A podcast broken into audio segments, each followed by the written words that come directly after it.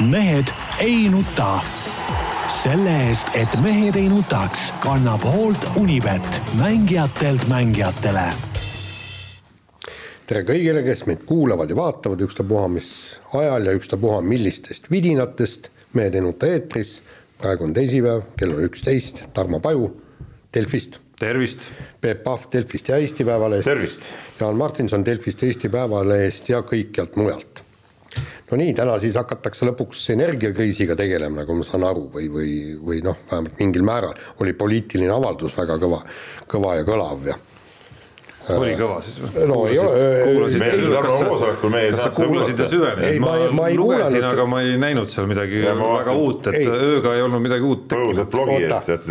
on no. uus, aga, aga, aga jube pikaaegse nihkega, nüüd nad hakkavad vaatama seda tuleviku energiasüsteemi mida oleks pidanud tegema juba, ma ei tea, aastaid tegelikult tagasi, aga, aga praeguse kriisi valguses juba kuid tagasi et, et kuidas kõik need meretuulepargid ja värgid ja särgid ja, ja tuumajaam praegu kõik räägivad ju aastaid-aastaid on räägitud tuumajaamast, kas jaa või ei no,. tuumajaam saaks valmis ju kümne aasta pärast alles. ole, seda varem tuleks ära otsustada. ei, seda kui... küll, aga see ei lahenda meie praeguseid probleeme. ei, ei, aga vot ongi, kui me tegeleme ainult tänaste probleemidega, siis, siis need tulevikuprobleemid. kõige tähtsam on praegu elada hetkes, Jaan, on kõige tähtsam ja hetke mured tuleb ära lahendada. ei, seda kindlasti, aga ma, ma arvan, et, et ei no valitsused, ma arvan, et seal on seda kampa on piisavalt palju, et osad tegelevad praeguste probleemidega. aga ma räägin, et kõigepealt me ootame lahendusi ikka praegustes, see, et muidugi tulevikku tuleb tegeleda, aga no see ei ole praegu see, mis põleb, põleb ikka praegune olukord. ja, ja kusjuures tegelikult valitsusel, ükstapuha, milline see oli, oleks pidanud selle tuumajaama küsimuse lahendama ja otsustama ära juba kümme aastat tagasi, sest praegu on põhisõnum, kas jah või ei. et sealt saab kas rohelised mitte tuumajaama vastu ka ei ole või, sinu lemmikud kliima need ja, seal on vist äh, tekkinud väga kahtepidi vaatamist, on osa rohelisi, kes leiavad, et see on roheline, osa, kes arvavad, et ei ole no, nii, nii olen mina aru saanud. tähendab, lõpetame selle rohelisuse ei, ära, meil on elektrit ei tasugi midagi küsida, see on ka selge. meil on elektrit vaja. mind ei pea veenma selles, minu arust tuumajaam oleks jumala okei okay.. no ei, absoluutselt jah ja, ja täitsa okei okay on põlevkivijaamad, kui mujalt elektrit võtta ei ole. no tuuma on ohtlik, mäletad, mis Tšernobõlis juhtus? noh, ma arvan, et tänapäeval ei ole nii ohtlikud ju. ja, ja meil on niikuinii ju see Leningradi all tuumajaam on niikuinii meile no, lähedal, et seal ikka pauk käib, siis, siis meil ei ole ka tore olla. Leedu tuumajaam ju ei, pandi kinni. ei, ei mul ei ole tuumajaama vastu otseselt midagi, jah, peaasi, et kuskilt voolu tuleb no ühesõnaga, sa bluffisid, Jaan, siin saate alustuseks, et, et midagi uut ikkagi ei olnud. No, see... vahepeal on öö välja toonud, et see, et peame tuleviku, tulevikuga tegelema, noh, see see retoorika on käinud siin juba, juba ka mõnda aega, eks, aga, aga hetkel hakati..., hetkel võiks ikkagi noh, mis, mis, kust ma oleks oodanud, et tuleb mingi sõnum ja endiselt ootan, et, et meil on kaks parteid seal, kes peaksid nagu lahendama ära nii tulevikuvaated kui ka hetkel need pakilisemad probleemid on ju. ja suutma omavahel, mis peamine, kokku leppida asjades, suutma lahendada ka igasugu erimeelsused ja nii edasi ja, ja mõtlema siis jälle sinisilmset juttu hakkan ajama, mõtleme siis nagu, nagu riigimehed ja, ja nagu mitte kui parteisõdurid ainult, et kes, kes kui palju punkte kuskilt sealt nagu nopib, on ju. ja see on nüüd sõnum nagu mõlemale, et teie nagu palka me maksame teile selle eest, et, et te omavahel suudaksite kokkuleppeid teha ja mitte päevade ja nädalate kaupa heietada ja vaielda ja, ja, ja mida kõike sinna juurde. oota, aga räägime päris asjadest ka, see kõik on sihuke poliitiline udu. kas Tarmo, sinu külas ka lükatakse öösel nüüd elekter välja või? tänavavalgustus ma ei tea, ma magan öösel, aga ei ole märganud. meil äh, valla, vald kirjutas, et äh, nüüd alustati sihukest projekti, et äh, kell kaksteist kõik tuled kustu ja viis kolmkümmend uuesti põlema, et, et pättidel ikka pidupäevad missugused tulevad, tead noh. mõtle kogu, kogu Vasalemma näiteks see on kottpime, noh. No kas see on siis nüüd nagu ja see on samas elektri pärast, eks ole, et elektrit tuleb, tuleb nüüd kokku hoida, tõmbame siis Tallinna ka välja, tead noh. Ei no jaa, aga pätt ei saa ju siis lii, liikuda, ta ei näe liikuda. pätt saab väga hästi liikuda, minu arust, minu, minu arust vot sellised asjad on kõige hullemad asjad, mis, mis selle, selle jamaga koos võivad tulla, et kui me hakkame siin äh, tänavavalgustust välja lülitama ja, ja siukseid asju tegema, no kujuta ette, kõik, kõik külad on kell kaksteist, kõmm rubinnik välja ja, ja pimedaks, noh. Kas see on normaalne või? Ei no jaa, aga pane siis endale seal mingisugune personaalne minul, minul hoovis kogu aeg tuli põleb, ööpäev, ööpäev läbi, mul on valguse peal, läheb pimedaks, hakkab põlema, läheb valgeks, kustub ise ära. elukeskkonna mõttes on see jabur. elukeskkonna mõttes on see jabur ja, ja, ja, ja mul on siin raske nagu valda ka süüdistada, isegi see, et valla arved on suured, eks ole, et siin on, see kivi läheb ikkagi ka ulja, ulja kaarega ikkagi see praegu see olukorra kapsa ajada ja, ja, ja, ja mina. ja selge, valdade võimekus üle Eesti on väga erinev, et noh, Rae vallal ilmselt ei põleta veel sellisel kujul, aga, aga, aga hetkel on üks kuu ainult olnud ka. jaa, aga teine asi on ju see, et, et, et, et kui Rae vallal see lambid põlevad, siis järelikult kuskilt mujalt äh, tuleb see raha kas ära võtta või siis mujal ei saa seda raha anda kui sa, kui sa äh, valgustad öösel, öösel tühja tänavaid. näiteks meil see vald kirjutas Facebookis, et esimesena siis tehti see asi Padisel, eks ole, mis on ka meie vald, eks ole, ja nüüd siis mujale liigub ka edasi ja siis, et äh, arvutused näitavad, Padise piirkonnas hoiame sellega kokku nelikümmend protsenti elektri hinnast noh noh, pole no, paha ju. no jaa, pole paha, aga noh, see, no see ei saa niimoodi olla, no see ei ole ju, see ei ole ju mingi õige asi ju noh. ei no ta ei ole sa õige asi. okei okay,, äh, mingi Padise sihuke suht, suht aja, ajali koht, eks ole, seal keskuses on mõned suured majad, aga mõtleme näiteks mingi Rummu, noh, see on niigi nagu mingi pommiauk, tead ja siis on sealt ka kõik äh, rubinnikud välja võetud nagu üle. kas see, see puudutab ka seda nii-öelda maanteeäärset valgustust või see on juba kuidagi eraldi või? no mina saan, ma saan küll niimoodi aru või näiteks mis Vasalemmas on maantee valgustust kasu, kui maantee läheb Vasalemma nii servast läbi, et see valgustus või midagi ei anna, meil polegi maanteevalgustust tegelikult noh. on ainult mingid üksikud lambid seal tee, kus pöörab sisse aga, aga, aga kui nad kõik välja tõmbavad, no ma ei tea, minu arust see on, vot see on, vot siin tekivad nagu ohukohad, et lõpuks ongi mingid mingid äh, gängid hakkavad tead möllama tead noh. jaa, aga siis võiks ju teha täiesti niimoodi, et äh, liikumisandurid, et kui keegi liigub, siis äh, valgus põleb ja ei liigu, ei põle noh. mis sa kujutad ette, kuidas seda igale poole pannakse noh et noh, see on jama noh, täielik jama. ei no jama, jama on ta tõesti, aga kui raha ei ole, siis raha ei ole noh vaata ise, kuidas siis..., kuidas, kuidas inimesed lükkavad endale, endale elektrit välja, tubasid ei küta, seal on ju küll ja küll kirjutavad, et, et kütavad ainult ühte-kahte tuba. ei, mulle meeldis see üks vana mees, kes siin eelmine nädal Aktuaalses Kaameras oli. eile siiski. ei, ei, ei, ei, mul on mingi eelmise nädala oma, mis vanamees räägib, et mina ei saa aru, kuidas seal Toopile, kuidas öösel üldse magada saavad, kui nad nii lolle otsuseid teevad, eks ole, see nagu, ma ei tea, sa nägid seda? jaa, absoluutselt nägin, noh, ja noh, nii, no nii, nii, nii, nii tegelikult on. küsimus tekib, kuidas üldse öösel magada saavad, tead noh no.. aga ju saavad, noh, eriti veel, kui on. siis ongi, vaata, siis tulebki parem uni, kui valgustuse välja lükata no,. sellepärast tehakse siukseid asju. ja no mõni ei magagi, vaid sõidab taksot öösel. jah ja mõni läheb puhkusele nagu. kes on ka päris kaua olnud seal, olnud seal tegelikult, et oleks võinud selle aja jooksul panustada küll kuidagi et, et miskigi paremaks läheks. no jaa, aga kitsi on vaja toita olnud. räägime spordist, see on palju ägedam. ja, ja räägime kõigepealt äh, kahevõistlusest ja Kristjan Ilvesest ja väga vingelt sõitis, kaksteist kohta ja noh, natukene, natukene kahju, et seda võitu ära ei tulnud. Allar Levandi jäigi ju võiduta meil Eesti ei.... äkki Eesti pole siiamaani ühtegi kahevõistluse MK-etappi võitnud. suur kahevõistlusmaa. jaa, täpselt. no see on müstika tagantjärele siiski. see on ikka nagu ikka pöörane müstika, kuidas Levandil see etapivõit jäi saamata, olles vist karjääri lõpus äh, ajaloo, ajaloos teisel kohal ka MK, kogutud MK punktide arvestuses üleüldse. jah, teisi kohti oli ja kõik, jah aga ei, Kristjan Ilves täpselt näitaski, see stsenaarium oli, oli perfektne, on ju, tegi väga head hüpped mõlemal võistlusel. esimesel läks ta siis esimesena starti, teisel läks kolmandana starti ja just, läksidki rahulikult kolm meest eest ära ja, ja, ja tagant tee, mis tahad, eks.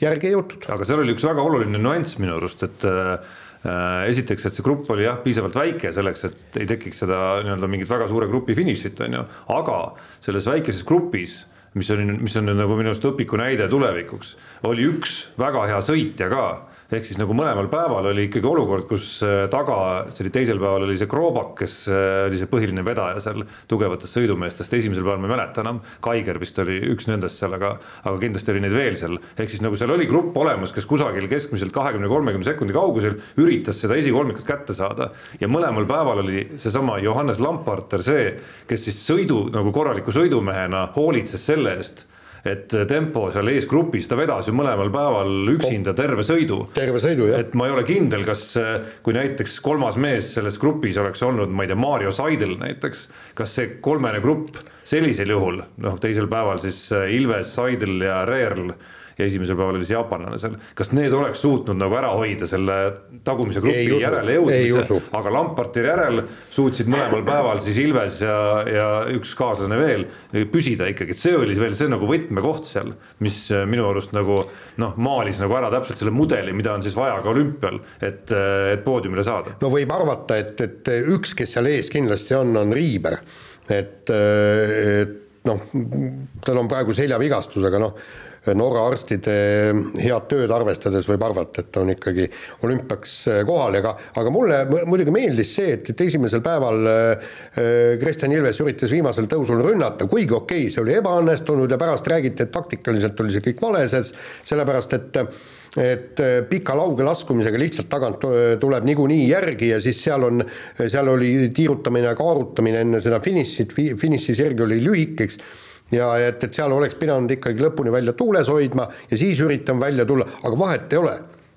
Sa ikkagi õpid oma kogemustest ja, ja, ja see, et, et vend läks üritama, no kuulge, tule taevas appi, eelmine, üle-eelmine aasta, kas sa, kas sa kujutad ette, et Kristjan Ilves läheb Lamparteri vastu viimasel tõusul, tõusul ma räägin veel. ja kusjuures mulle tundus, et see natukene oli mingi fragment, mis teisel päeval pani Lamparteri nagu ise Just. oma taktikat muutma, et otsustan ikkagi igaks juhuks nagu lähen ikka ise, ise sellel äh, viimastel tõusudel eest ära, mitte ei jäta seda sinna nagu lõpusirge või sellesama laskumise, millest sa rääkisid, kus Ilvesel oleks võimalus sinna lõpukaskaadi minna nagu liidrina või siis, või siis ka päris lõpusirge peale, et ega esimese päeva lõpusirgel noh, seal korraks isegi nagu tundus, et äkki isegi jõuab nagu järele. kuigi noh, ühel hetkel sai aru ikkagi, et ei jõua, et see finišisirge oleks natuke pikem olnud, oleks see asi võinud nagu nugade peale minna, et see, et see, see oli see nagu äge koht, kus me nägime, et tal nagu lõpukiirust on.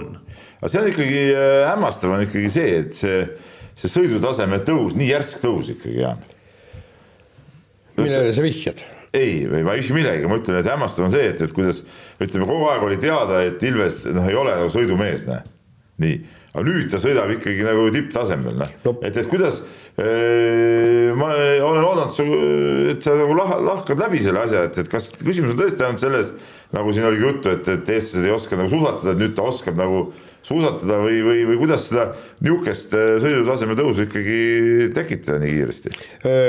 noh, tegelikult see. selle loogika järgi, selle loogika järgi võiks kõik äh, sportlased minna Norra treenerite juurde ja oleks kõik metsikud sõidumehed. ma ei tea, kas kõiki võetakse esiteks. ja, ja aga teine asi on see, et, et see on ikkagi, ta on ju äh, Norra koondises juba kolmandat aastat, eks et see on, see on nagu järjest. aga see tõus on nüüd tulnud järsku. aga arvestad, oot-oot-oot, ta on tegelikult, kui sa vaatad nüüd neid sõiduaegu ja kaotusi äh, võitjale, siis äh, ütlen siis valetan, kas, kas, kas oli isegi esimeses sõidus või ühes veelgi väga heas sõidus, oli tal kaotus üks kakskümmend kõige kiiremale vennale tegelikult äh, iseenesest ja vaata, kuidas, kuidas need sõidud on, ega tema ei pane ju täiega. no ei ole mõtetki võrrelda kõige kiirema vennaga, mõtet on võrrelda ainult ütleme nende vendadega, kes mängivad seal ütleme kohtadele üks kuni ma ei tea, viisteist. ja see, seda praegu, seda praegu enne, kui ta hakkab, kui ta hakkas seal tagant umbes kahekümnendalt kohalt tulema, siis pidi tema ka täiega ketsi panema ja siis oli see, see võrdlus kohane aga, aga, aga lihtsalt vaata, ta ei, ta, kui ta eest ära läheb, ta ei, ta ei, enam ei sõida ennast tühjaks. no ma pakun, et need viimased kaks sõitu olid ikkagi suht nagu täie piiri peal, sest vastasel juhul oleks need grupid sealt tagant järele tulnud. et see vahe vist kahekümne peale mõlemas sõidus korra enam-vähem kuskile nagu läks aga lähemale ei lastud, et ma ei ütleks, et see seal väga loksus. ta ikkagi kaotas nelikümmend sekundit. ja, ja, ja aga tühjaks ei sõida, aga olge, see on ka fakt on ka see, et üksinda seal ees ta ei suudaks just tempot teha. et ta sõidutase on ikkagi selles suhtes tõusnud, et ta kellegi teise taga suudab äh, Äh, seda hoogu hoida, et ütleme, ma pakun välja, et aasta-kaks tagasi ta ei oleks suutnud neid kohti hoida. sellest ma räägingi, et mind huvitab rohkem see, et, et kuidas see, see, kuidas see sõidutaseme tõus selline on, on tekkinud. aga kas see ei näegi välja, siin noh, on alasid ja sportlasi, Eesti sportlasi, kelle puhul äh, te siin vastu nagu rapite, et teevad trenni küll, aga kus, kus siis nagu areng on, et see ongi nagu ju täpselt see ideaalvariant, et sa teed tööd, teed väga heas kohas ka veel, sul on endal eeldusi ja siis see areng tulebki lõpuks. ei no see ongi ideaalvariant no,. see ongi nii, nii see peakski nagu käima, on ju, me oleme näinud neid ju, neid äh, arenejaid noh, me, meie põlvkonnal ja vanematel on hea kahevõistlusest rääkida, sest mingi ajalooline mälu on seal kuskil Allar Levandi aegadest on ju. ja me oleme juba toona nägime mehi, kes algul olid ainult hüppajad ja siis arenesid oma karjääri jooksul, Mario Stecher oli näiteks üks selline. ja noh, mäletate, kuidas Levandit kiusasid seal lõpuks nagu suusarajal ka Klaus Sulzenbacherid ja Klaus Offnerid ja siuksed mehed on ju, kes ei olnud kõvad sõidumehed, aga takjana jõudsid Valdi Femme, mäletate mm, -hmm. mälestusväärne mm, jaksasid seal ikka rippuda nagu ja terve sõidu rippusid ära lõpuks, kuni finišisirgel said mööda. ja, ja võtame, paneme sinna punkt üks, suusad on alati perfektsed, kui just kogu Norra koondis omadega puusse ei pane. ma kujutan ette, et taastumis, taastumisprogrammid ja taastumisvahendid, no täiuslik, eks et ma, maailma tase ja see on see, mida, mida Eesti kindlasti ei suuda. aga nüüd on see küsimus, kas kõik see teadmine tuleb läbi temaga siia Eestisse? kindlasti ei tule või tähendab tead-, ei, ei, ei, ei, teadmine võib tulla. minu arust ta peaks, kui mina oleksin eh, nüüd eh, Kristjan Ilvese isa, eks ole, on ju Eesti eh, noortekoondise treener, Audentse treener on ju, nii. Tegelikult peaks olema nii, et, et Kristjan saadab iga päev Äh, selle, mis ta trennis tegi, kõik need asjad saadab iga päev isale isa teeb siin poistega samasugust tööd, siis on sellel nagu tal, tervikuna Eesti kahevõistluse ka suurem kasu. ei, seda kindlasti, aga, aga Norras ju tehakse individuaalset tööd, seal ei ole niimoodi, et, et kõikidele pannakse üks programm peale ja nüüd vohaga kõik. igalühel on. mingi, mingid põhimõtted sa saad ikka sealt kätte. no ei, kindlasti saab ja, ja ma arvan, et seda kõike antakse edasi, aga võtame kasvõi selle hooldetiimi, noh no sa ei saa samasuguseid suuski kindlasti alla, võib-olla on suusavalik. no aga Eestis on Eesti määrdemeistrid on üle maailma ju, ju kuulsad, eks ole, kuidas nad ei saa neid suuski siin libedaks. aga, aga nad, nad on kuulsad küll, aga töötavad Venemaal ja igal no, pool mujal. üksinda ei oleks ilmselgelt äh, ressurssi, ressurssi palgata neid. järgmine asi, äh, suusad, suusavalik, norralased lähevad rahulikult Fischeri tehasesse, löövad jalaga ukse lahti, võtavad parimad paarid ära ja siis Eesti, Eesti saab alles kolmanda järgu äh, paarid, on ju noh, lihtsalt asjad on nii. Noh. no nüüd, kui Kristjan Ilves on, on nagu poodiumi tasemel sportlane, on muidugi päris koomiline vaadata neid olukordi, et ta oli siis selle koondise parim mees nädalavahetusel. Äh, mõlemal päeval hüppemäel, sa Jaan äh, vist vaatasid ka neid. Äh, pärast Kristjan Ilvese hüppeid näitas siis neid Norra koondise treenereid seal kaks-kolm tüüpi, lõid omavahel rusikaid kokku seal, noh, täiesti oma poiss. no jaa, aga tead, see on nagu nonsenss. päris huvitav. jaa, tead, see on nonsenss ju, kui kui mina oleksin Norra suusaliidu juht, siis ma järgmine aasta Ilvest sinna koondisse ei võtaks enam. mis see skeem ja mis need suhted ja mis see koostöövorm seal täpselt on, et see nagu üldse võimalik on, müts maha Ilveste ees, et nad on sellise variandi leidnud. ei, seda muidugi, aga ma ütlen, aga see ei tundu kuskilt otsast loogiline. ei, vaatadki, on nagu imelik. see olümpial ei tohiks ju nad tegelikult Ilves ei saaks mitte midagi teha, noh. ei tohiks ju, nende, nende asi on ju toota Norrale medaleid ju ei no jaa, aga siis treenigu norralased kõvemad, ilvesed no, kõvemaks. kujutan ette, oled Norra olümpiakomitee või, või suusaliit on ju ja siis, ja siis kuidagi nagu noh, et, kuidas need kokkulepped on seal, see on väga huvitav. ei, ei, ei vaata, seal on vastastikune kasu, eks no okei okay,, unustame raha ära, Norral on raha äh, niigi palju aga näiteks nemad saavad ju kõik Eesti määrdemeeste kohad endale, kõik need suusatestijad ja kõik, kõik, et sealt tuleb juba, juba see kasu, on ju. noh, järgmine asi, mis nad räägivad, eks, et noh, vähemalt väitsid, et norralased on huvitatud äh, huvitatud, et kahevõistlus areneks, kuna see kahevõistlus ongi just niisugune ala, mis võib kokku kukkuda, et selle, sellel oleks vaja natuke la, laiemat no praegu see Norras ise polegi pildis üldse, see viimasel kahel etapil ei no aga ne, noh, nemad saavad oma niikuinii kätte, neil ei ole see probleem. kui olekski ainult Norra, siis varsti kahe, kahevõistlus kaokski ära, kukukski kokku. Nojah, aga noh, teisest otsast ma ei no, näe, et see kuskil, kus, kus see väga ainult Norra seal on, kui sul on seal austerlased, sakslased, jaapanlased on ju pildil olnud kogu aeg ikkagi ei no jaa, aga, aga nüüd nad tõid vähemalt ühe riigi juurde. kolmas asi, mida mina isiklikult arvan, eks, et Kristjan Ilves saatis ju kõik oma treeningplaanid, asjad kõik Norra, Norrale, see on neile ka ääretult huvitav, et kuidas Eestis asju aetakse ja, ja kuidas on Eesti treeningsüsteemid, millised treeningkoormused, millised on treeningute ülesehitused, kõik need asjad. ma arvan, et see info pakub ka norralastele huvi no ühesõnaga minu tellimuslooks selle vestluse järel, Jaan, jääb, jääb selle koosluse lahkamine, ütleme siis niimoodi, lihtsalt väga noh, tõesti huvitav, no sa vaatad seda ja see tundub ebaloomulik. Aga... neid Norra treenereid seal niimoodi juubeldamas näha Kristjan Ilvese hüppe peale, mis nihutab kõik nende nii-öelda nagu rahvuskaaslastest hoolealused pingereas allapoole. aga mis näitab äh, selle kahevõistluse nii-öelda kohta suusamaailmas, on see, et telekast ju ei näinud me Kristjan Ilvese sõite, no mul õnneks on no eks ta kõige marginaalsem ala no just, ja me, mul on õnneks player olemas, mina no ma näha, läksin ka laupäeva õhtul ja tegin selle viie eurose kulutuse. Ja erinevalt ja. Äh, Gerd Kullamäest, kes meie ühes teises podcast'is äh, kogu aeg kutsub üles mitte nagu maksma äh, erineva sisu eest, siis ma teen vastupidise üleskutse, et kuidas see sisu muidu ikka sinuni jõuab nii, vahetame teemat. Nõustun. ja jääme talispordi juurde, räägime Tallinnas toimunud iluuisutamise Euroopa meistrivõistlustest, kus no nii-öelda grande finaaleks oli siis naiste üksiksõidu vabakava, Niina Petrõkina kerkimine kaheksandaks, pluss siis Eva-Lotta Kiibuse kuidas öelda, võitlused, mis, mis jätkusid ja mis on kestnud siin terve hooaja ja, ja ei saanud vähemalt kodusel EM-il kindlasti mingit õnnelikku vahefinišit Arlet Levandi, kes tegi oma ära, jäätantsupaar tegi noh, sisuliselt ka ikkagi täitis eesmärgi, võib vist öelda. Äh, mis siis, mis siis näppude vahele, Peep, jäi sinu jaoks, kes no. sa oled suur iluuisu fänn ja said seal said seal elamusi vasakule ja paremale. ja pane veel siia otsa naiste üksiksõidu ulmeline tase just seal ees. täitsa, täitsa uskumatu. ja ei no muidugi see oli teada, et see laupäeva õhtu tuleb suurepärane, siis me tegime Jaaniga Äh, ütleme, viime Jaaniga käime kajastamas seda kordamööda, et ma loomulikult endale sättisin selle laupäeva õhtu no ma arvan, et Jaanile sobis laupäeva õhtul peesitada seal kuskil tiival. no ütleme tele, telekas sellist elamust muidugi ei saa, kui sa oled kohal. aga, aga kusjuures huvitav oli see, et ma koos abikaasaga vaatasime seda mm., seda sõitu ja noh. no ei sama, ei sama siin ja, ja täiesti leidsin ennast täiesti erakordsest olukorrast laupäeva õhtul äh, Messengeri teel Peebuga äh, Äh, tavaliste korvpallijuttude asemel käis mingisugune naisiluuisutajate ülistamine.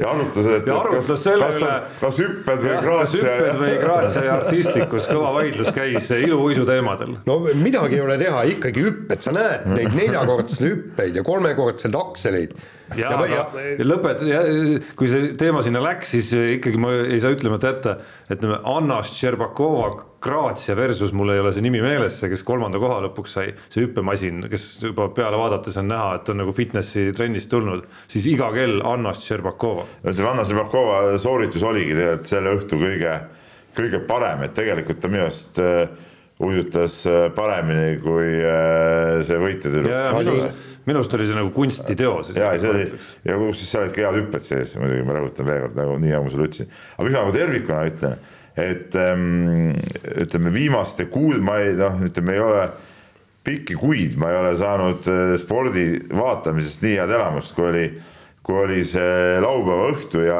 ja eelkõige ikkagi see Niina äh, Petrõkina sõit, see oli ikkagi, see oli vägev, see, kuidas see publik tuli sellega kaasa, mismoodi ise seda seda sõitu nagu, nagu tegi ja, ja ja, ja kuna ma olin temaga viimastel päevadel päris, päris mitu korda ka rääkinud, siis ma teadsin ka, et tal on seal noh, ütleme, võivad mingid probleemid tekkida seal ja nii edasi.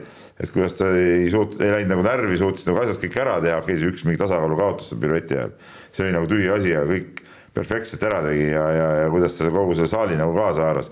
Et see oli nagu, see oli nagu ikka ülikõva tegelikult noh no, seda oli ikka vägev sealt koha pealt vaadata. pluss see eellugu, no ma ei, ma ei mõtle eelloona nüüd äh, nädalat, vaid ikkagi paari viimast aastat. ja, ja. eks, ja noh, ega ma arvan, sellest eelloost tulenevalt oli ka see tema sõidujärgne emotsioon nii, nii ülevoolav. no me hakkame, jätkame sealt, eks, et ta tõi kaheksanda koha, mis tähendab seda, et järgmisel EM-il saab jälle kaks Eesti naisiluuisutajat starti. see, see on väga suur pluss, on ju, eks.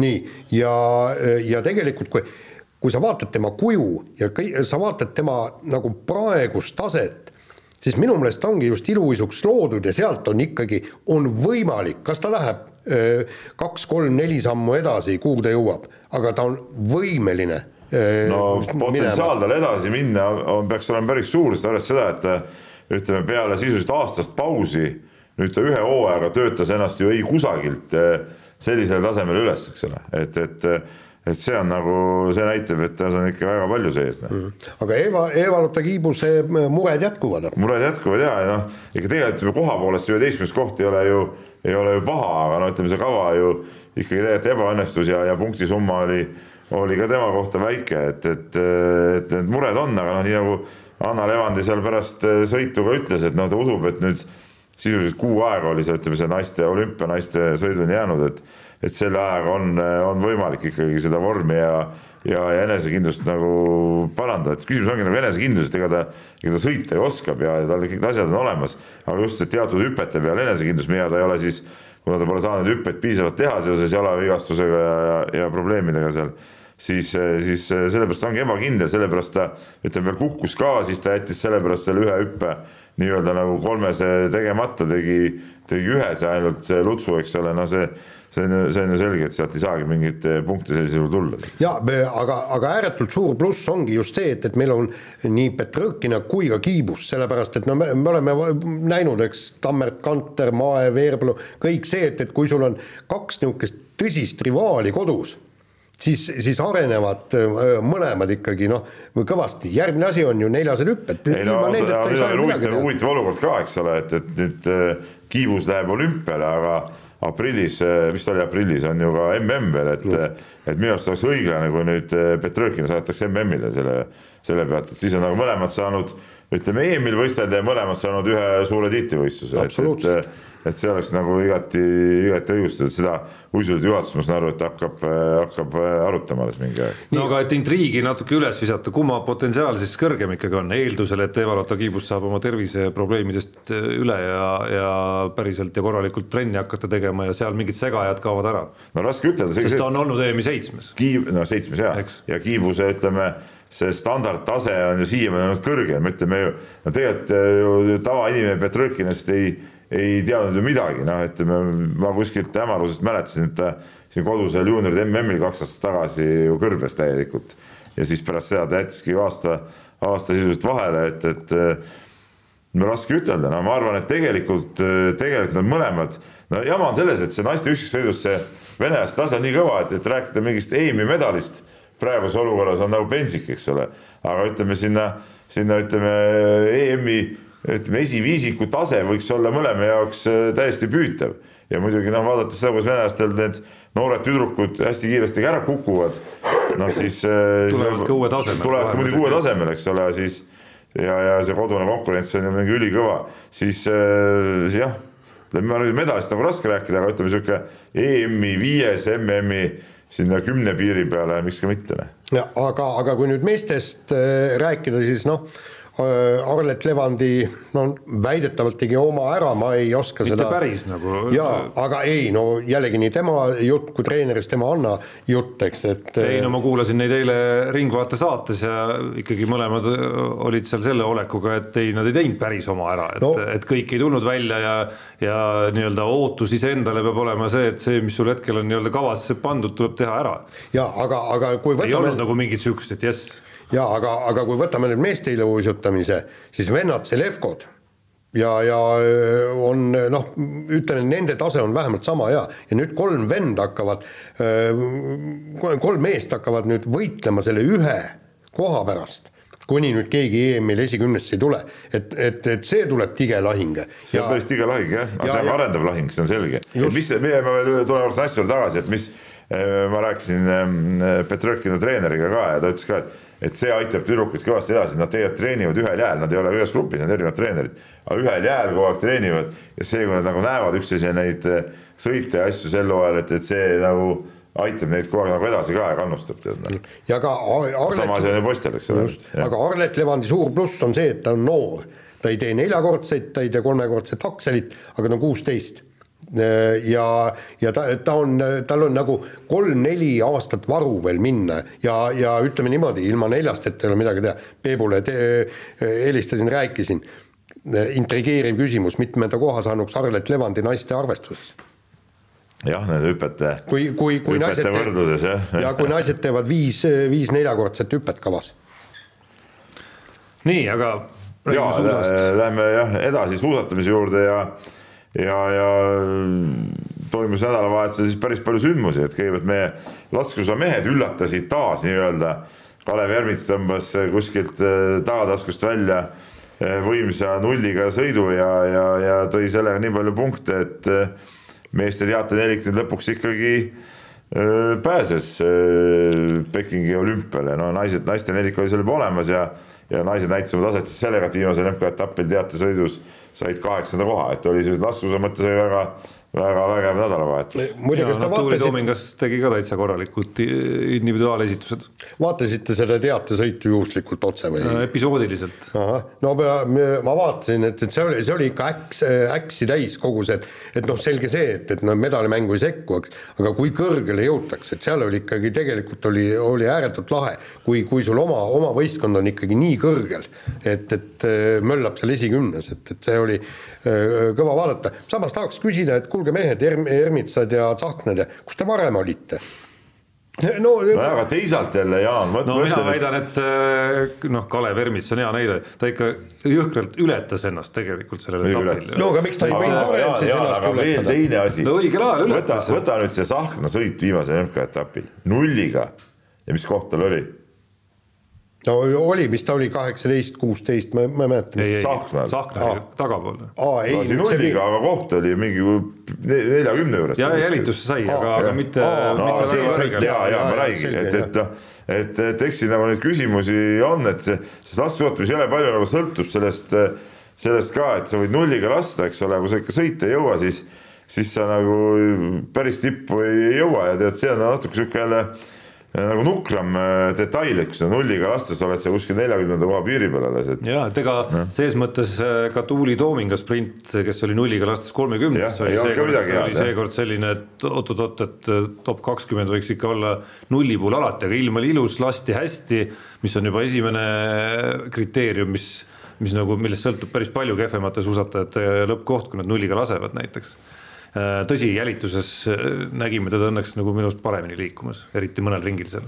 muide, huvitav, kas Tuuli Toomingas või, või ma ei tea, kas me, kes meestest meil on kõige potentsiaalikam, kas nemad ei võiks Norra koondisse minna treenima, mis siis saaks? jõle huvitav oleks vaadata. oli võeti niimoodi no ma ei tea, kahevõistlejad võeti äkki. no miks need, no ma ei usu, noh, ma ei usu. vaata, seal on see asi, et, et, et siis sa näed, et mis on nagu sportlase potentsiaal sellepärast, et äh, Kristjan Ilves ka, tähendab, tema realiseerib, ma kujutan ette, kolm aastat äh, Norra, norralastega koos tees, äh, ta realiseerib oma võimed ära, sellepärast et need no minu loogika ütleb, et kolm aastat tagasi, olemata väga hästi kursis ja olemata mitte ka rääkinud nende asjaosalistega, pidid norrakad nägema, et Kristjan Ilvesel on mingi potentsiaal, nad ei oleks võtnud sinna mingisugust suvakat. lihtsalt nagu, nagu fänniprojektina sinna kuidagimoodi endaga kaasas, kaasa jõlkuma ja reisima, et, et nad peavad seda potentsiaali nägema, laskesuusas ma kujutan ette, lisaks Norra põhikoondislastele nad võiksid kakskümmend tükki võtta sealt tagant veel, nii naistes kui meestes äh, kui Ibu karika protokollid lahti lüüa, et siis no,, siis noh, seal, seal, seal ei mahu enda omadki ära no,. Neil ongi Ibu kapi koondis on eraldi asi veel, eks ole. nii, aga lähme murdmaasuusatamise juurde siin on veel huvitavad asjad ja Jaan muidugi vana laiskvorst ei viitsinud nädalavahetusel Otepääle minna, kuigi ma ütlesin talle, et ta võiks minna laupäeval sinna. Ja, ja. kas ta selle no, nupu tegi ära, selle? ei teinud. ei teinud ta midagi. ma ei saanud kodanike kätte. ta ei saanud kätte ja no see on atu, noh, ta on täie-, ta on, ta on täiesti äh, kuidas ma ütlen, nagu mandunud, mandunud igat, igast, igatepidi ma lasen ta seal olümpial ära käia, siis vaatan, mis ma temaga ette võtan, et ilmselt online valvesse panema, et natuke äkki ärgutab teda. oi, kuule, mul oli väga hea, et kõik, kõik sportlased sain kenasti kätte. kuule, Jaan, peab käima inimestega vahetult suhtlema. ma arvan, et seesama see Henri Roos, sa pole teda kunagi näinud, sa pole temaga mitte kunagi päriselt rääkinud. ei, tegelikult. ei, ära hakka ajama tegelikult, Jaan, noh. sul, sul ei ole ühtegi ühtegi õigustust praegu sellele, eks ole, nii. aga, aga ütleme suusatamise estikatel siis üllatus oli nagu kuhjaga, et Henri Roos kaks kulda. sa teadsid Henri Roosi enne seda või? ikka, ikka olin kuulnud muidugi. ja mis, mis eriti naljakas oli siis Tatjana Mannimaa neljakümne kahe aastane, eks ole. just nimelt Mannimaa, mitte Mannimaa. Mannimaa, jah, jah, jah, et äh, vägev Eesti meistritiitel ja olümpiakoht, aga no otsustas siiski olümpiast loobuda, mis on, mis oli ka mõnes mõttes nagu sümpaatne, et et noh, inimesel varu, et noh, ta ei ole selleks midagi teinud, et sinna olümpiale minna. Noh. kuule, aga, aga minu meelest oli väga tähelepanuväärne lause ja ma kusjuures äh, usun, et äh, Tatjana Mannimaa ei öelnud seda teadlikult. aga ta ütles, ta ei taha sinna minna turistiks aga mida siis teevad need teised? ja ta enda poolt ütles seda väga teadlikult. ja ei, enda poolt teadlikult, aga sellega ta pani ka mõneti paika kogu selle ülejäänud kamba. No, ma, usun, ma usun, et kui ta oma karjääri jooksul kordagi ei oleks varem jõudnud olümpiale. ei ta ütleski, et ma olen ju mitu korda käinud. küllap ta siis oleks ka turistina olnud valmis minema sinna ma, sa oled, ma arvan, me kõik oleks nõus, kui me mingid, ma ei tea, mis asjaolud küll peavad kokku no klappima, siis läheks seda..., käiks turistina ära. aga Tarmo, see näitab meie suusatamise no, taset. kui selline sportlane eh, tuleb Eesti meistriks ja saab olümpiakoha noh, kes nad tegelikult ei, ei eh, defineeri enam ennast ju sportlasena tegelikult. jah, ja, ja, ja, nagu ta ütles ka, et, et eelmine, eelmine aasta, kui Estikatele tuli, siis läks seal jõle raskeks, aga selleks ma valmistusin, tegin mõned ki-, kiirustreeningud, noh. Laagrites ei käi midagi. jaa, aga no selles ei ole midagi üllatuslikku, ma ei tea, mis siin ikka ootada. Jah, aga tegelikult see Henri Roosi tulek oli, oli, oli kena, et, et tal on igasugused terviseprobleemid ja igasugused jamad on ja see aasta on neid jamasid olnud ja, ja jällegi noh, kuju on hea. Ja tahaks nüüd näha, et, et kui tervis püsib, et, et mis sealt võib tulla, aga, aga noh.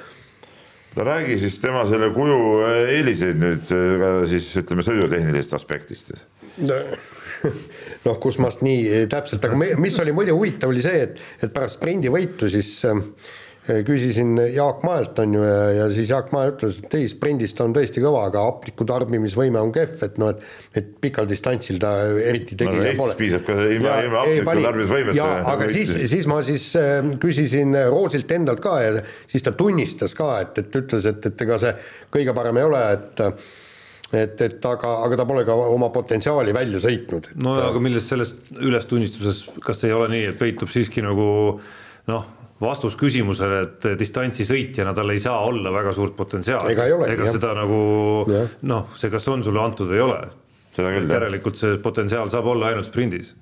kui, kuigi ka seal ma kahtlustan, et see on, on siiski nagu vajalik omadus su kehal. aga ma ei saa ikkagi aru, mis nüüd see Marko Kilp, eks ole, meie nii-öelda siiamaani esisõitja olnud, hooaja alguses nüüd Aivar Rehemaa treener rääkis, et et noh, kogu mäng käib olümpia nimel no ma ei tea, nüüd oli nagu Eesti tsempionaat.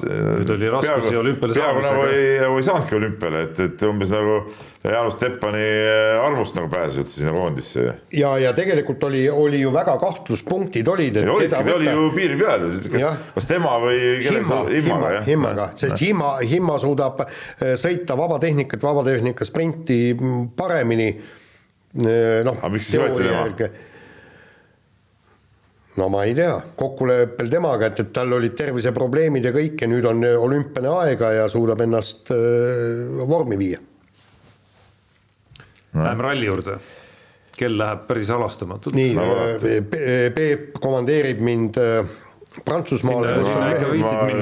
komandeerin teda, noh kuule, seal ta saab kasiinosse minna sinna. seda, ta saab ka minna Monaco kasiinosse seda kangi tõmbama ju tead noh. ei, sinna ei lubata, seal on vaja äh, ülikond ja lips ja mul ei ole kumbagi. laen enda pintsakut või? jah Ja. aga ei, äh, ütleme niimoodi, et, et äh, rallidel käin ma hea meelega, kuna seal tuleb käia ja no midagi ei ole teha, noh.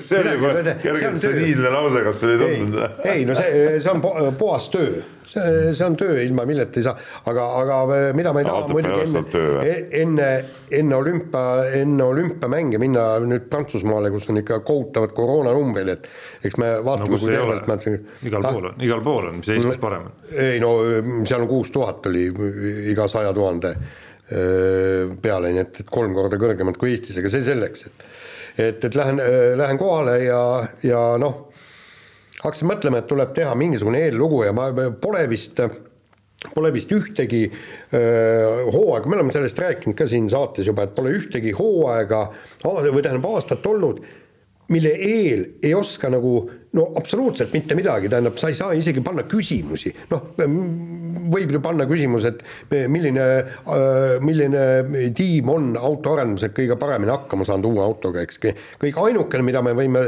prognoosida, üks mõte oli, et kuidas tiimikaaslased eh, omavahel suhtestuvad, kas, kas Tänak on kõvem kui Neville või eh, aga, aga kas see ei ole lõppkokkuvõttes teema, sellepärast et täna just lugesin, eh, kas see oli Elfin Evansi või, või, või oli Jari Lati, Mati Latvala, kus ta ütleb niimoodi, et autod on täpselt ühesugused, üks mees suudab sellega sõita, teine ei suuda, kuna üks on kohanenud paremini selle hübriidiga ja kõik hübriidisüsteemidega, pidurdustega, värkidega, särkidega, et puhtalt ootame esimesed neli-viis MM-rallit ära, siis hakkame rääkima üldse, et mis selle hooaja lõpus võiks olla, kes võiks tulla maailmameistriks no huvitav jah, me vist Peep oleme mõlemad, ma ei tea, Jaan, sa ka Ott Tänaku selle tunnise intervjuu Kalev Kruusile ära kuulanud, et. Jaan ei ole seda kuulanud. et mis, mis seal nagu no noh, seda teadmatust loomulikult õhkus sealt igalt sammult ja seda põnevust teisest küljest ka ja no mis on minu arust oluline, mida Ott Tänak ütles,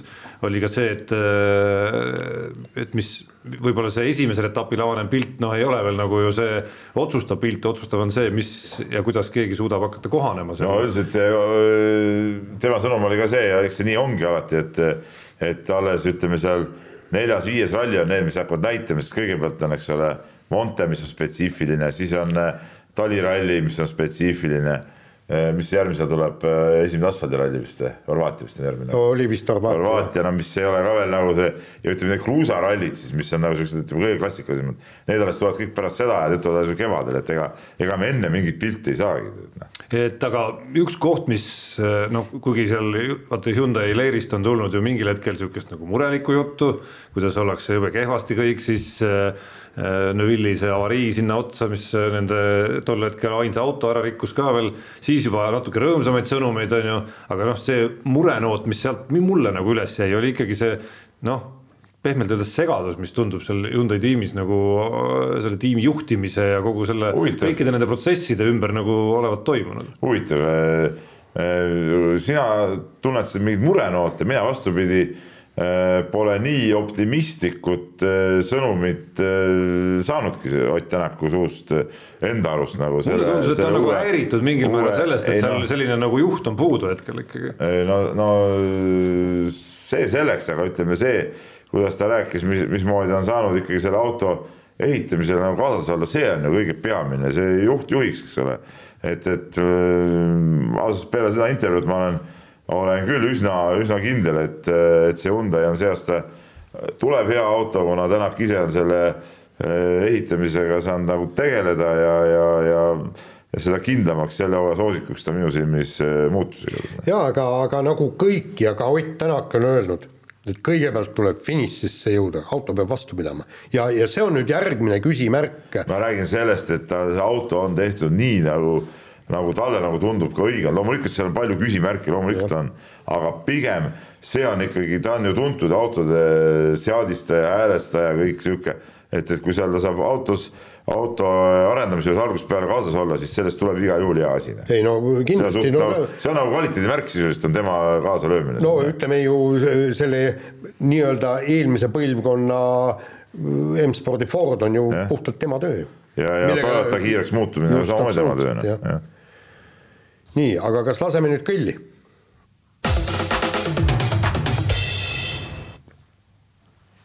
Läheme kiire vahemänguga nüüd kiirelt edasi ja äh, Anett Kontaveit alustas uut aastat päris kenasti, äh, poolfinaaliks jõudis poolfinaali Sydneys ja avaringis võitis Austraalia lahtistel esimese matši ja, ja kusjuures küllaltki kindlalt, kuigi noh, ütleme niimoodi, mingisugusel hetkel äh, tuli seda e e ebakindlust sisse, aga, aga muidugi see poolfinaali äh, kaotus ke ke kellele? Krejtšikova. Krejtšikovale, no oli aga mäng, noh. no, no täitsa hull mäng. mäng oli jah, seitse matšpalli aga, aga samas tegelikult noh, eh, nagu see Kontaveit ise ka ütles, et, et ta nii väga ei kurvasta selle kaotuse pärast, kuna see oli tõesti väga tihe ja tige matš.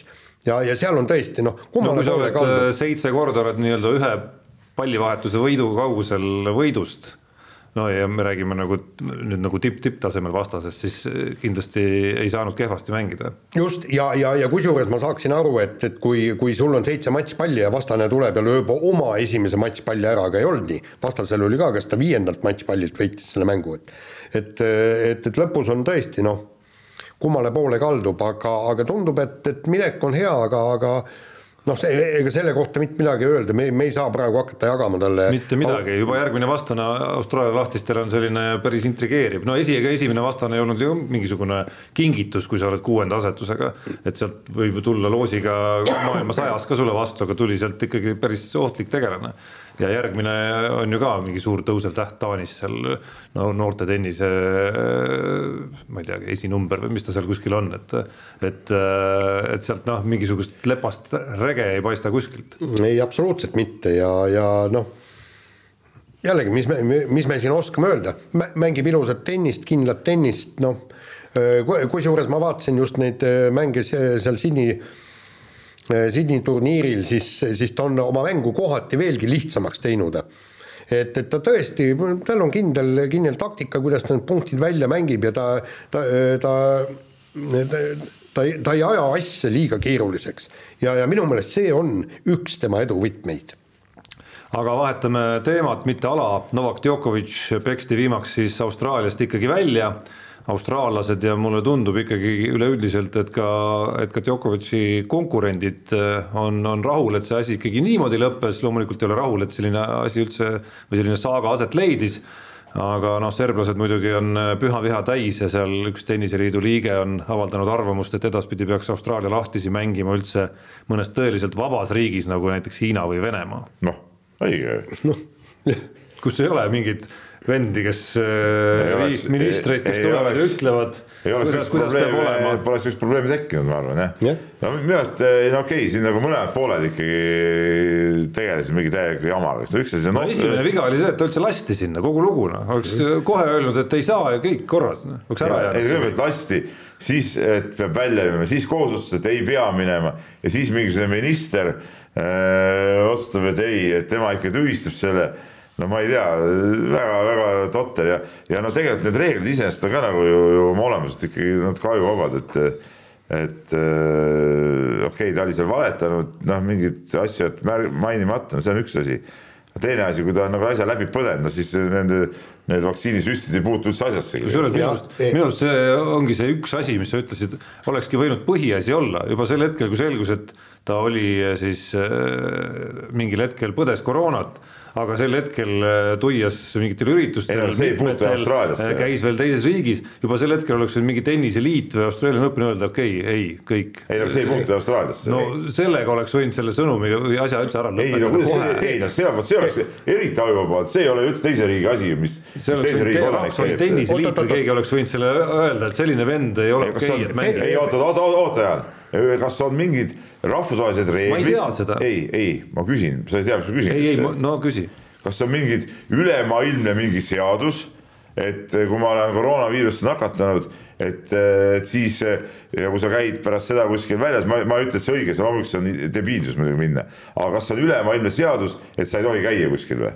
Äh, ülemaailmset seadust ei ole, igas Nii. riigis on see seadus, Serbia reeglite rikkus, Hispaania reeglite rikkus. minu arust oleks võinud piisata sellest rahvusvahelisele tennisejuhtidele. puutub see, kui sa rikud mm., sa ületad Eestis kiirust, äh, rikud Eesti riigi seadust, siis ei. sind äh, mingi töö pärast ei lasta. reeglid on kõigile ühtemoodi täitmiseks, kogu lugu. kuule, see turismiminister ta ju, üks tema põhjendus ja ta ütles, et see on kõige sügavam põhjendus, miks ma ta viisa tühistasin, oli see, et ta on antivakser ja ta kardab, et ta siinsamas Austraalias ta hakkab sama poliitikat ajama nii, et nii-öelda Austraalia antivakserid tulevad tema selja taha ja, ja näitena ta tõi, et Serbias on vaktsineeritud ainult nelikümmend kolm protsenti inimesi ja, ja tema arvates on selle taga suuresti just Novak Djokovic ja seal oli aga mis tema asi on, mis Serbias on? Ei, aga ta ei taha, et seesama oleks Austraalias ja kusjuures ta, ta tõi seal. ja kas antivakserlus on nagu ülemaailmselt karistatav kuidagi või? ei, aga ta ei taha, et, et nende riigis oleks antivakserlus, vaata, mis praegu. ei, kas antivakserlus on Austraalias karistatav kuidagi või? ei, ma ei tea. ei, mis karistus siia puutub? ei, no aga, ei no aga see on ju jabur ju tegelikult noh tegelikult eh, jah, kõik eh, normaalsed inimesed saavad aru, et, et noh, peaks vaktsineerima, see on sulle endale kasulik, onju. nii, aga kui inimene on antivakser, siis ta ei saa ju, tegelikult on ebaõiglane teda selle vaate pärast eh, karistada kuidagi. kui ma ütlen, et kui ma ütlen, et homod on debiilikud, kas, kas see on siis kuidagi karistatav? no see isegi nagu, on juba, viha kõne, Peep.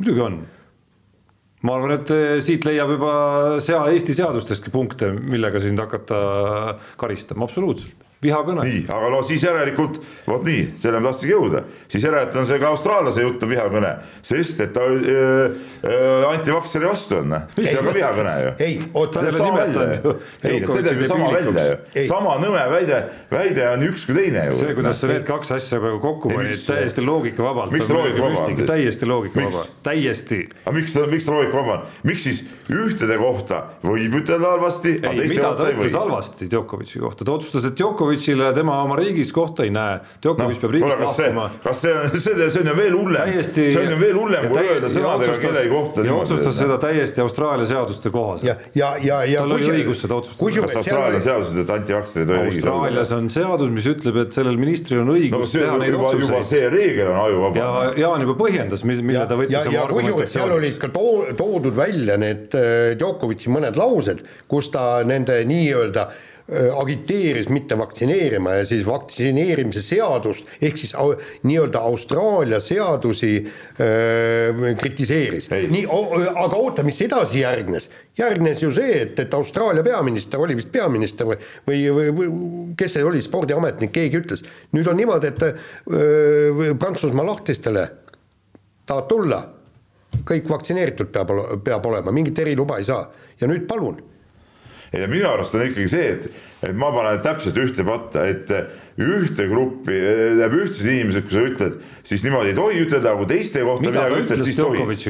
no see, see sõnum, et ta saad, sellepärast saada riiki, et ta on antivakser, on, teeb täpselt sama välja, kui sa ütled, et see, see või teine inimgrupp on äh, lollakad, no see, nii nagu ma siin ütlesin välja. ei ole, see on täpselt sama asi, noh. see ja see antivakserlus ei olnud ainukene põhjus. aga see on täpselt sama asi ja veel kord ma ütlen, ma ei poolda mingit antivakserlust, aga ma räägin, põhimõte on tegelikult täpselt sama ja see on täiesti ajuvaba. minu silmis Austraalia ei ole mitte mingi riik enam pärast seda, mitte mingi riik, täiesti mõttetult tead näe. kuule, aga vaata, mis. kukkugu me... maakera allpool ka, kukkugu maakeraga ilusti ära üldse tead näe, on ju. täiesti absurdne seos, aga vahetame teemat. täiesti õige jutt, nii, lähme võrkpalli juurde ja TalTechi võrkpallimeeskond pääses siis tänu kuldse game'i võidule CEF Challenge Cupis äh, veerandfinaali tähendab, ühesõnaga meeskond, kes isegi kes isegi ei registreerinud ennast sinna võistlusele. ei registreerinud ja polnud mingit noh, isegi mõtet mängida euromänge ja siis tänu Saaremaale sai neid mängima ja nüüd see on vist kordas Eesti kõigi aegade parimat tulemust siiamaani. kusjuures väga huvitav nüanss oli seal äh, mida ma, mida siis neid mänge jälgides ja lugedes nende mängude kohta, mis siis veel nagu välja tuli, et üks Saaremaa palgal olev mees ikkagi mängis ka veel TalTechi eest mis nali see veel on? jaa, et lihtsalt veel nagu mingit meest hoitakse palgale Saaremaal, meeskonda pole. seda detaili ma isegi ei mäleta. Paul Graham vist oli. aga mis mõttes, mis, mis mõttes Saaremaa palgal? ei, tema, tema saab siis Saaremaalt, no ma ei tea, Hallilt saab palka. aga ta igapäevaselt mängib kus siis? vist ei mängi kuskil. ei, ei mängib ikka. mängibki nüüd TalTechis jah? jaa, see oli kaasaandena jah, see oli kaasaandena et see oli ka üks põhjus, nagu ma sain aru, et miks see eurosarja koht võeti, et noh, et said ühe, ühe mängija endale satsi juurde. et eh, noh, kõvad mehed, pange aga nüüd edasi ja poolfinaali no kõvad mehed igal juhul, aga ilma ta... Saaremaata ei oleks seda juhtunud. ja ilma Saaremaata poleks juhtunud jah, aga Saaremaa ise oleks läinud sinna jõudnud nii kaugele. selle Grahamiga ja Üks siis ülejäänud oleks olnud siis no, Jaan, Karmen, Aldo, Jaan, Pahv ja, ja, ja mina. jah, aga miks ka mitte. Kõik on võimalik aga võtame järgmise teema, lähme nüüd eh, korvpalli juurde ja äh, Henry Trell otsustas minna Ameerikasse, aga, aga paraku mitte NBA-sse, vaid äh, nii-öelda järgmises, järgmise taseme liigasse ehk D-liigasse, millest me tegelikult suurt mitte midagi ei tea. et öö, oskate teie kaks korvpallispetsi öelda, kas see oli õige käik ja mis sealt edasi tuleb või? no laias laastus on see NBA nii-öelda teine ešelon. Või noh, ütleme, kuidas ma ütlen, nagu nagu, nagu, nagu duublite, duublite. tütarliiga, sõsarliiga, farmliiga, kuidas iganes me nimetame seda. et, et no see, siin on kahe otsaga asi, et, et mina, mina arvan, mõnes mõttes Henri Trellile on see, on see kindlasti väga hea, et ta sinna läheb, et ütleme Euroopas võib-olla tal ongi raskem läbi lüüa, ma arvan, et võib-olla selles Ameerika süsteemis tal äkki sobibki rohkem üldse tema, tema sihuke olek ja, ja see stiil ja see võib-olla klapib sinna, sinna kanti rohkem, et Euroopas on ikkagi sihukest sihukest raamidesse pandud äh, mängu ja kammitsetust on nagu rohkem. aga, aga ma arvan, et Ameerikas see nii palju ei ole ja, ja, ja, ja, ja kui ta siin Euroopas võib-olla ei tulnud nii hästi välja, no las siis proovib seal ennast, noh. äkki seal õnnestub õnnestub ennast pildile mängida. ja no, sellest ma nagu hukka seda otseselt ei mõistaks, kuigi ma muidugi parem meel oleks taht-, oleks läinud siin, ma ei tea, Kalev Cramos seda hooaega lõpetamas, aga aga ma hukka ei mõista ja kui tal on see Ameerika unistus, siis no andku kuum. no mul on ka kahetised tunded, et no üks on see, et ega no esiteks koondise vaatenurgast on kahju muidugi, sest äh, USA-st äh, vaevalt, vaevalt ta koondist aitama tuleb.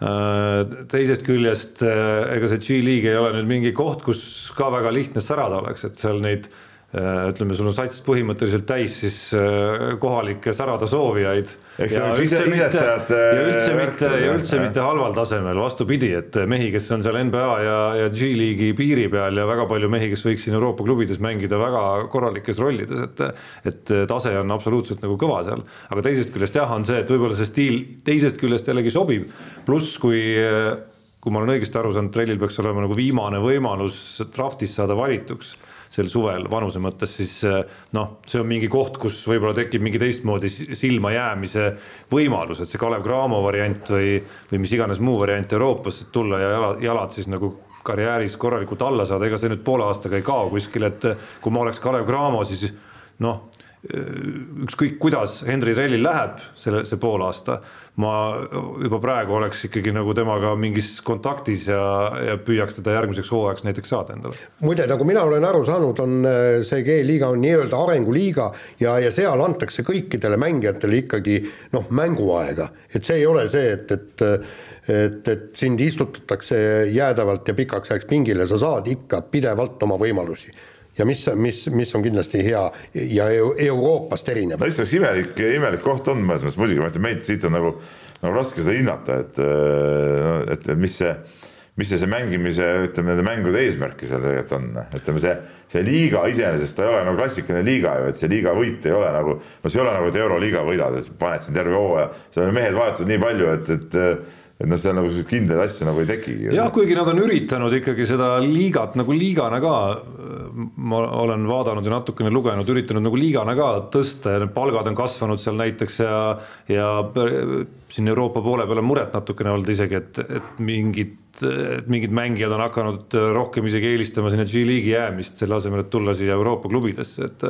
et ta pakub nagu täitsa konkurentsi palga, nii-öelda nagu palga maksjana ja tööandjana korra, korralikule ja väga heal tasemel mängijatele ja seal, seal leiab sealt äh, mängijate nimekirjast ikka nagu väga korralikke tegijaid. muidugi, aga ma ütlen nagu sportlikus mõttes ta nagu sellist, sellist äh, pointi nagu ei ole ju tegelikult, noh. aga me jääme korvpalli juurde kiire vahemängu lõpetuseks äh, ülikooli korv, USA ülikooli korvpalli suurim sitapea, nagu heas mõttes on üks portaal teda nimetanud, Ger Kriisa jäi siis eemale viimasest Arizona ülikooli mängust kuna olevat siis äh, kusagil äh, söögilauas või, või õhtusöögi ajal lollitades viga saanud. no me üritasime siin nädalavahetusel siis nagu noh, ega täpsemat infot ei ole ja, ja meeskonna peatreener on öelnud, et meeskonna sees aetakse neid asju ja. mis on õige. ja üritatakse kuidagi nii-öelda siis liiga ülemeelikuks läinud, saan aru Äh, noormängijatele seal natuke selgeks teha, mis käitumine on okei okay, ei ole, et mis ei sega muidugi meid siin arutamast, et huvitav, mis lollusega siis hakkama saadi, et kuhu see kahvel seal torgati või nojah, ma ütlen, et, et äh, tundub, et ülikooli satsides ikka see distsipliiniga on probleeme, et noh, ma siin Tarmole ütlesin näiteks minu meeskonnas, kui lähme äh,, oleme kuskil väljas mängimas, olime poistega, siis äh, oli söök, siis ikka istutakse viisakalt laua taga, süüakse noa kahvliga ilusti ja vasaku käega. no ameeriklased seda ei tee. no ameeriklased seda ei tee jah, see ongi sihuke imelik. aga, aga, aga tegelikult noh, palju huvitavam oli see, et, et just see põhjendus, et eh, miks, miks Kriisa on, on ülikooli korvpalli suurim sitapea ja, ja miks see on nagu pluss ja positiivne, et eh, on vaja niisugust mängijat, kes on tõesti vastik Äh, noh, heas mõttes vastastele vastik ja kui ta, seal oli see videoklipp, kui kohtunike laua juurde küsis, et kes need kohtunikud siia kutsus. see oli päris stiilne muidugi. jah, et, et on ta siis niisugune sitapea või? kas ta Eesti koondises, kui ta tuleb Eesti koondisesse, kas ta on ka samamoodi puhevill ja ma ei tea, mulle tundub ja... ikkagi, et äh, nii palju, kui ma teda noorteklassis nägin, et et ta oli niisugune särtsakas poiss küll, aga ütleme päris päris selline nagu polnud, et, et võib-olla ta on kuidagi nagu, nagu kasvanud või arenenud seal selliseks, noh.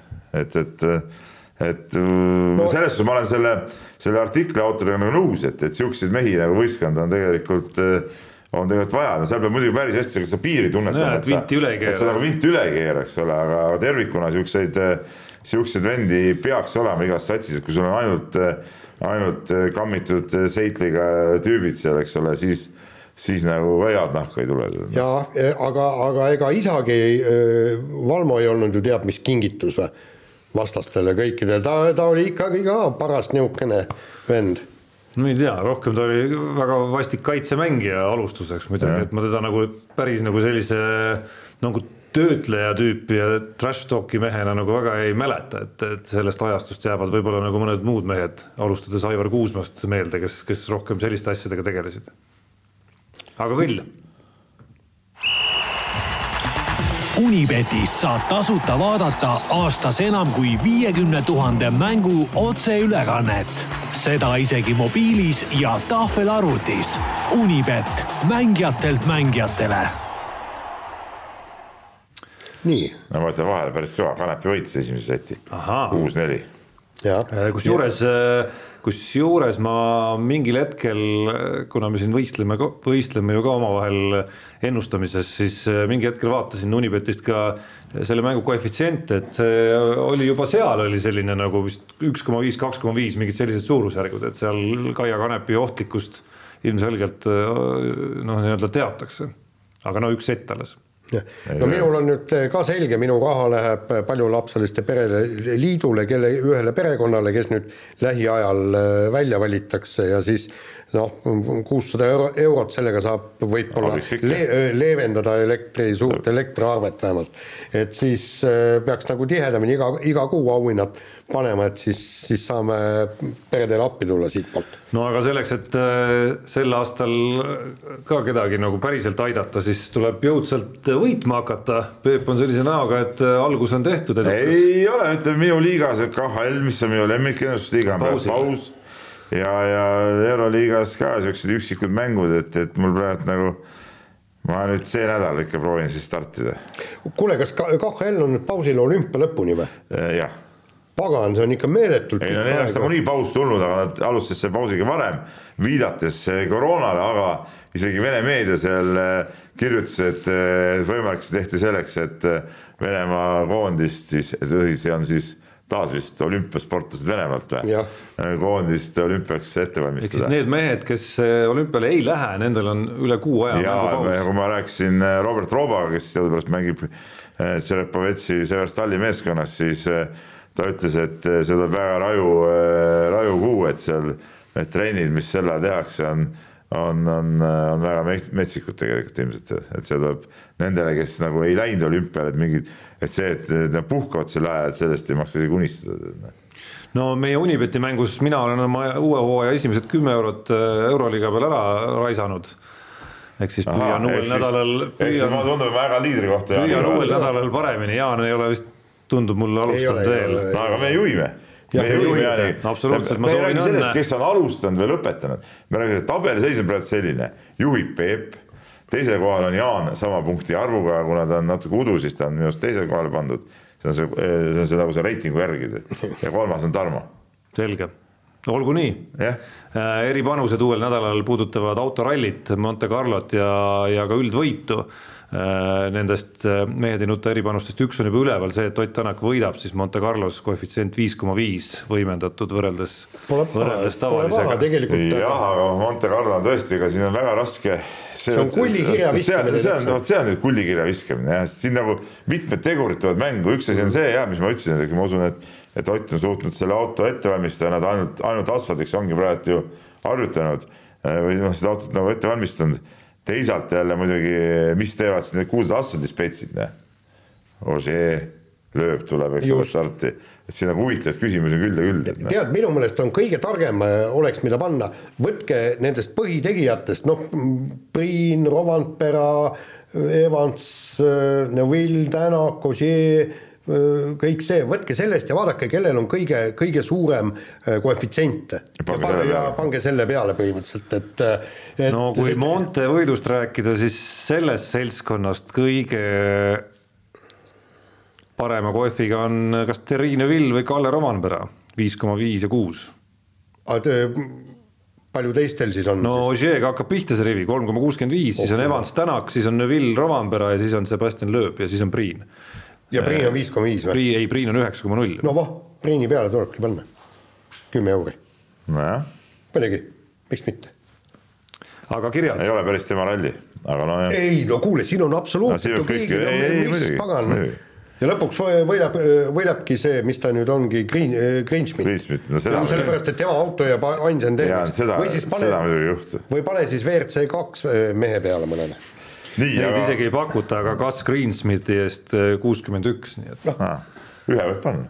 jah nii, kirjad. nii äh,, Kossus Pets kirjutab meile täna niisugune lihtne ja lühike küsimus. kas Heiki Nabi võiks nüüd liituda UFC-ga, kuna maadluse äh,, maadlust seda enam tagasi ei saa, et mis te arvate, neid maadlusega taustaga mehed on seal ennegi ruulinud no UFC-sse minek esiteks ei käi niimoodi, et Heiki Nabi otsustab, et ta nüüd läheb UFC-sse, et selleks tuleb läbida päris mitu madalamat astet. ei, aga kõigepealt peab ikka otsustama, et ta läheb. ei, kõigepealt peab otsustama, et ta hakkab üldse tegelema ja. sellega, ma ei ole aru saanud, et tal oleks huvi selle vastu äh,. arvestades, et on kolmekümne kuue aastane, siis julgeks küll välistada tema tõsisema tähelennu selles vallas ja, ja kus, kusjuures nagu ma saan aru, et see UFC, seal pead osk-, oskama ikkagi noh ei no nii, raske kaalus ma väga nagu ei jah. näe seal ka nagu maadlustaustaga mehi, kes seal siis nagu väga ruuliksid, et ja, et, et madalamates kaaludes küll, aga raske. ju. raske kaalus ikkagi ma näen seal nagu lööjaid ikkagi. suvamehed on käinud seal ju. ei no käinud jah, ma mõtlen neid, kes on nagu edukad. no tegemist ei ole spordiga, see on täitsa ükspuha sellest, nii. teadlane Priidik eh, kirjutab meile, küsib nii, milliseid Eesti spordiga seotud organisatsiooni või isiku tegutsemise puhul on kõige rohkem märgata seda tagaigatsetud pikka plaani.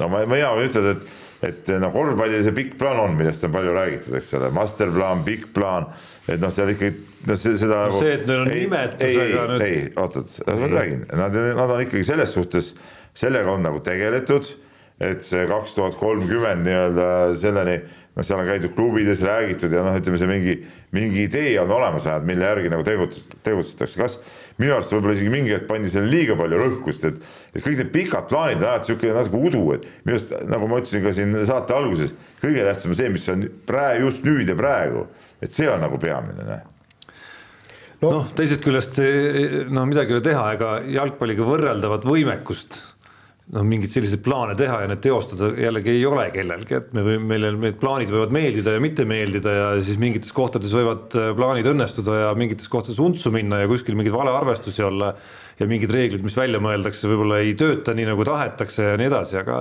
aga noh, lõppkokkuvõttes kuulates ja nähes, kuidas seal Jalgpalliliit organiseerib ise, mis need on, noortetöö koordinaatoreid omal palgal klubide juurde ja nii edasi, no ja siis noh midagi ei ole teha, ega sellega midagi võrreldavat äh, lihtsalt võimekuse mõttes ei ole juba kellelgi vastu panna. no põhimõtteliselt on meil spordialaliidud, neil on probleem, et saaks praegu kuidagi ära elatud ja võistlused korraldatud ja, ja noh, nendele praegustele tippudele. aga mingi vaade peab ikkagi olema. no kust, kust tulevad ei, sul noored lapsed üldse ja nii edasi, nii edasi, nii edasi. ei, absoluutselt peab, aga, aga ma veel kord ütlen, et see vaade võib ju olla, aga sul ei ole sellest vaatest mingit kasu, kui sa, kui sa ei saa seda programmi ellu viia. ja jällegi ma lähen nüüd kaugele maakera kukla poolele, eks ju, Uus-Meremaale, kus on välja valitud, eks, et äh, viis spordiala, mis on eelis, eelisarendatavad ja vaata, siin on hakkasin ükskord mõtlema, et tegelikult see Eesti, Eesti nii-öelda riik, olümpiakomitee, kõik, nad peaksid võtma meil ka vähemalt mõned alad ja üks oleks kindlasti vehklemine. et lõpetada see jama, et meil on ainult kolmes kohas veheldakse ja, ja, ja, ja tõesti, tähendab viia see vehklemine ka Ida-Virumaale, sealt on äh, kõvasti võtta veel teistesse kohtadesse, kus oleks lapsi võtta, aga miks nad sinna ei saa minna, sellepärast et noh, ei lähe ju mõõga kott seljas, kuskohast sa palka saad, kõik omavalitsused, kus sa elama hakkad, kõik, et kuidas soovijaid on. Ja jõuliselt hakata vehklemist arendama, kuna meil on kõik olemas, mis vaja. meil on know-how'd, värgid, meil on head vehklejad, kõik need tulevad, Sten Breinits, äh, palun, treenerina töötab, eks. Äh, Irina Emrich treenerina töötab, eks kõik need, meil oleks võimalik praegu näiteks seda vehklemist laiali üle Eestimaa viia. aga Vehklemisliit, kellel pole ühtegi sponsorit, seda ei suuda ja siin peakski tegelikult no kuule, see, et Vehklemisel pole ühtegi sponsorit, on juba nende sügav isiklik probleem. ongi, ongi, aga, aga, aga, aga, aga selle tõttu jääbki see põhimõtteliselt nii kildkondlikuks, see vehklemine kahjuks Eestis. Neil ei ole võimet ega raha seda ei, nii laialt arendada. pikk plaan nii-öelda peab nagu olema aga selles, see ei saa olla ka nii, et see on nüüd see põhiasi, mille kohta tegeldakse mingi pika plaaniga, et tegelikult on ikkagi seejuures ei saa ära unustada seda, mis on just ikkagi praegu toimumas, noh. et see peab olema nagu balansis ka. nii, eh, vana hea kirjasaate Tamm Tamm on meile ka kirjutanud ja, ja tuleme tagasi siis meie kuulsate suusatajate juurde ja, ja kirjutab nii, et, et eh, laskesuusatamises õpetas siis meie uus Valgevene peatreener eestlasi suusatama, Kristjan Ilves õppis Norras suusatehnikat ja Semka poodiumile. ja nüüd on siis selline küsimus, et eh, mis maalt peaks Eesti suusaklubidesse treenerid tooma, et nad Eesti meistrivõistlustel suusatajad suudaks siis näiteks Tatjana Mannimaale vastu saada ja, no, ja õpi, õpiksid eks sõitma. ei no selge. kus me peame tooma neid, Jaan? no Norra, Rootsi, kaks, kaks riiki, Norra ja Rootsi mujal osata usutada? ei, osatakse küll, aga kui me üldse kedagi toome, siis toome ikkagi tippriikidest so. soomlased ise uisutehnikaga hädas. see oli paar-kolm aastat, võib-olla neli-viis aastat tagasi. kui nad läksid niimoodi, siis nad tegid programmi, et õpime uisutama ja siis, siis oli, seal oli programm oli see, et nad käisid seal MK-etappidel, filmisid tehnikat ja, ja, ja seal ka otsisid seda know-how'd. kui isegi Soome läheb vaatama norralasi ja rootslasi, siis ei ole ju mõtet soomlasi kutsuda.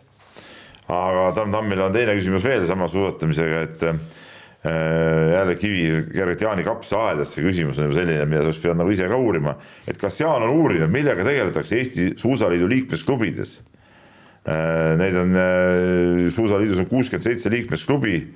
et kas tegeletakse murdmaasuusatamisega või Eestis eriti populaarse mäesuusatamisega igatahes fakt on see, et äh, suusatajad ei, kes Tatjana Mannimaale vastu saaksid, sealt välja ei kasva. oi jumal, ma olen sellest ju kirjutanud artikleid ja. ei ole lugenud no,, millega nad tegelevad seal? ja no nad tegelevad väidetavalt suusatamise arendamisega, aga, aga seal on ääretult mitmed põhjusi, vot Jaanus Teppaniga ma olen, ma olen paar, paar nagu artiklit kirjutanud, kes on noh, nagu selle nii-öelda suure pildi lahti võtnud ja ja, ja seal on igasuguseid probleeme alates sellest, et noh et nad, nad ei ole valmis, tähendab äh, suurteks äh, rasketeks koormusteks lapsed, eks. no mille eelpunkt, mille eelpunkt on see, kui no. vähe või palju lapsi üldse jõuab sinna? Ja milli, ja, mill, ja milliste eeldustega need lapsed üldse on, kas no, kas nad on looduslike eeldustega üldse nagu kestvusalal midagi suurt ära teha? just, ja pole lund olnud. Ja, ja seal oli ju, vaata, meil oli mitu lumeta talve. Ja kusjuures tõesti, seesama Reo Roosipõld oli see Äh, kaks kulda võitnud Roosi treener, ta ütles, et kuidas ma kutsun lapsi, lapsed ei ole juba tead aasta läbi suusatada saanud, eks, lumel, rolleritega sõitnud. Sa-, saan laagrisse viia ainult parimaid, see oli jutuajamine oli, kui ma käisin seal öö, äh, Olosel või, või, või kus, kus kohas see on. ütleb, et ongi, lähevadki trennist minema, head lapsed, lähevad jalgratast sõitma näiteks no see, eks see probleem on, on olemas muidugi, aga noh, kokkuvõttes ikkagi äh, olgem ausad, see klubide tase on ikka häbematult madal, noh, midagi ei ole parata, noh. häbematult madal on see, noh jah, seal ei ole, ma ei teagi, kas seal ei ole kus... persoone või seal ei ole treenereid või kõik see on, kõik see on ühes pajas, kõik kokku, et miks ei saa, sest ma kunagi ütlesin, rääkisin, et eks, et, et see alustöö teevad ikkagi noortetreenerid ära, eks. Nemad peavad selle äh, algse kõik andma ja kui, kui nad seda ei ole suutnud, no kas või tehniliselt, eks, noh, et see on nüüd sinna, aga siis treenerid ütlesid, et jah, et me tahaksime teha küll, aga ja, ja sealt tulevad igasugused vastused. nii, sellega võtaks täpselt kokku. kõik või? jah. kuule, aitab küll. kell on palju juba. saadame, saadame Jaani siis Montesse ja anname oma säästud kaasa sinna, et et, et, et tõmba, tõmba, tõmba siis kangi nagu hästi nagu. saaksime oma elektriarved ka ära maksta. ja, ja sinult saan siis nagu ma saan aru pintsaku ja sina tood mulle lipsu, siis ma saan kasiinosse mängima minna. ja ma võin kikilipsu tuua isegi. ma ei oska seda siduda, nii et. sellega on see lihtne, et seal polnudki vist siduda vaja. aga muide, sa tead, miks politsei, politseinikel, ma ei tea, kuidas politseinikega on, aga miilitsatel peavad olema kummilipsud no, kummiga, eks tead ju. no tundub ju suht ja. elementaarne, muidu saab sealt kinni võtta ja kägistada ja. päris edukalt no,. täpselt nii, aga sellega on meie saade läbi. aga ma ütlen vahele, et kummiga lips on ropp. no ta on ropp, aga kui sa lipsusõlme siduda ei oska, siis no, parem oska, oskan. see on ainuke asi, mis ma oskan, aga, aga mul ei ole lipsu, ma ei, pole sellega harjutatud. no oled kindel, et kui praegu anname kätte sulle, siis seod ära? päris kindel ei ole, aga pikapeale pusin ära tuleb no, meelde. õnneks tänapäeval on äh, internet täis õpetusi, nii et sa oskad otsida isegi, ma arvan, guugeldada. lõdvalt, kinnisilmi. sa ka, ma usun. ma ei ole kindel, et ma nüüd nii kinnisilmi, sest ma ei mäleta, millal ma viimati lipsu kandsin no, isegi. ei, okei okay. nagu seda klassikalist lipsu. poolt, teine pool. kahe poole, kahe poolega, mõned natuke meenutamist, natuke meenutamist, natuke meenutamist kindlasti saab olema. nii, aga sellega on saade läbi, kuulake meid järgmine kord. mehed ei nuta saate tõi sinuni Unibet, mängijatelt mängijatele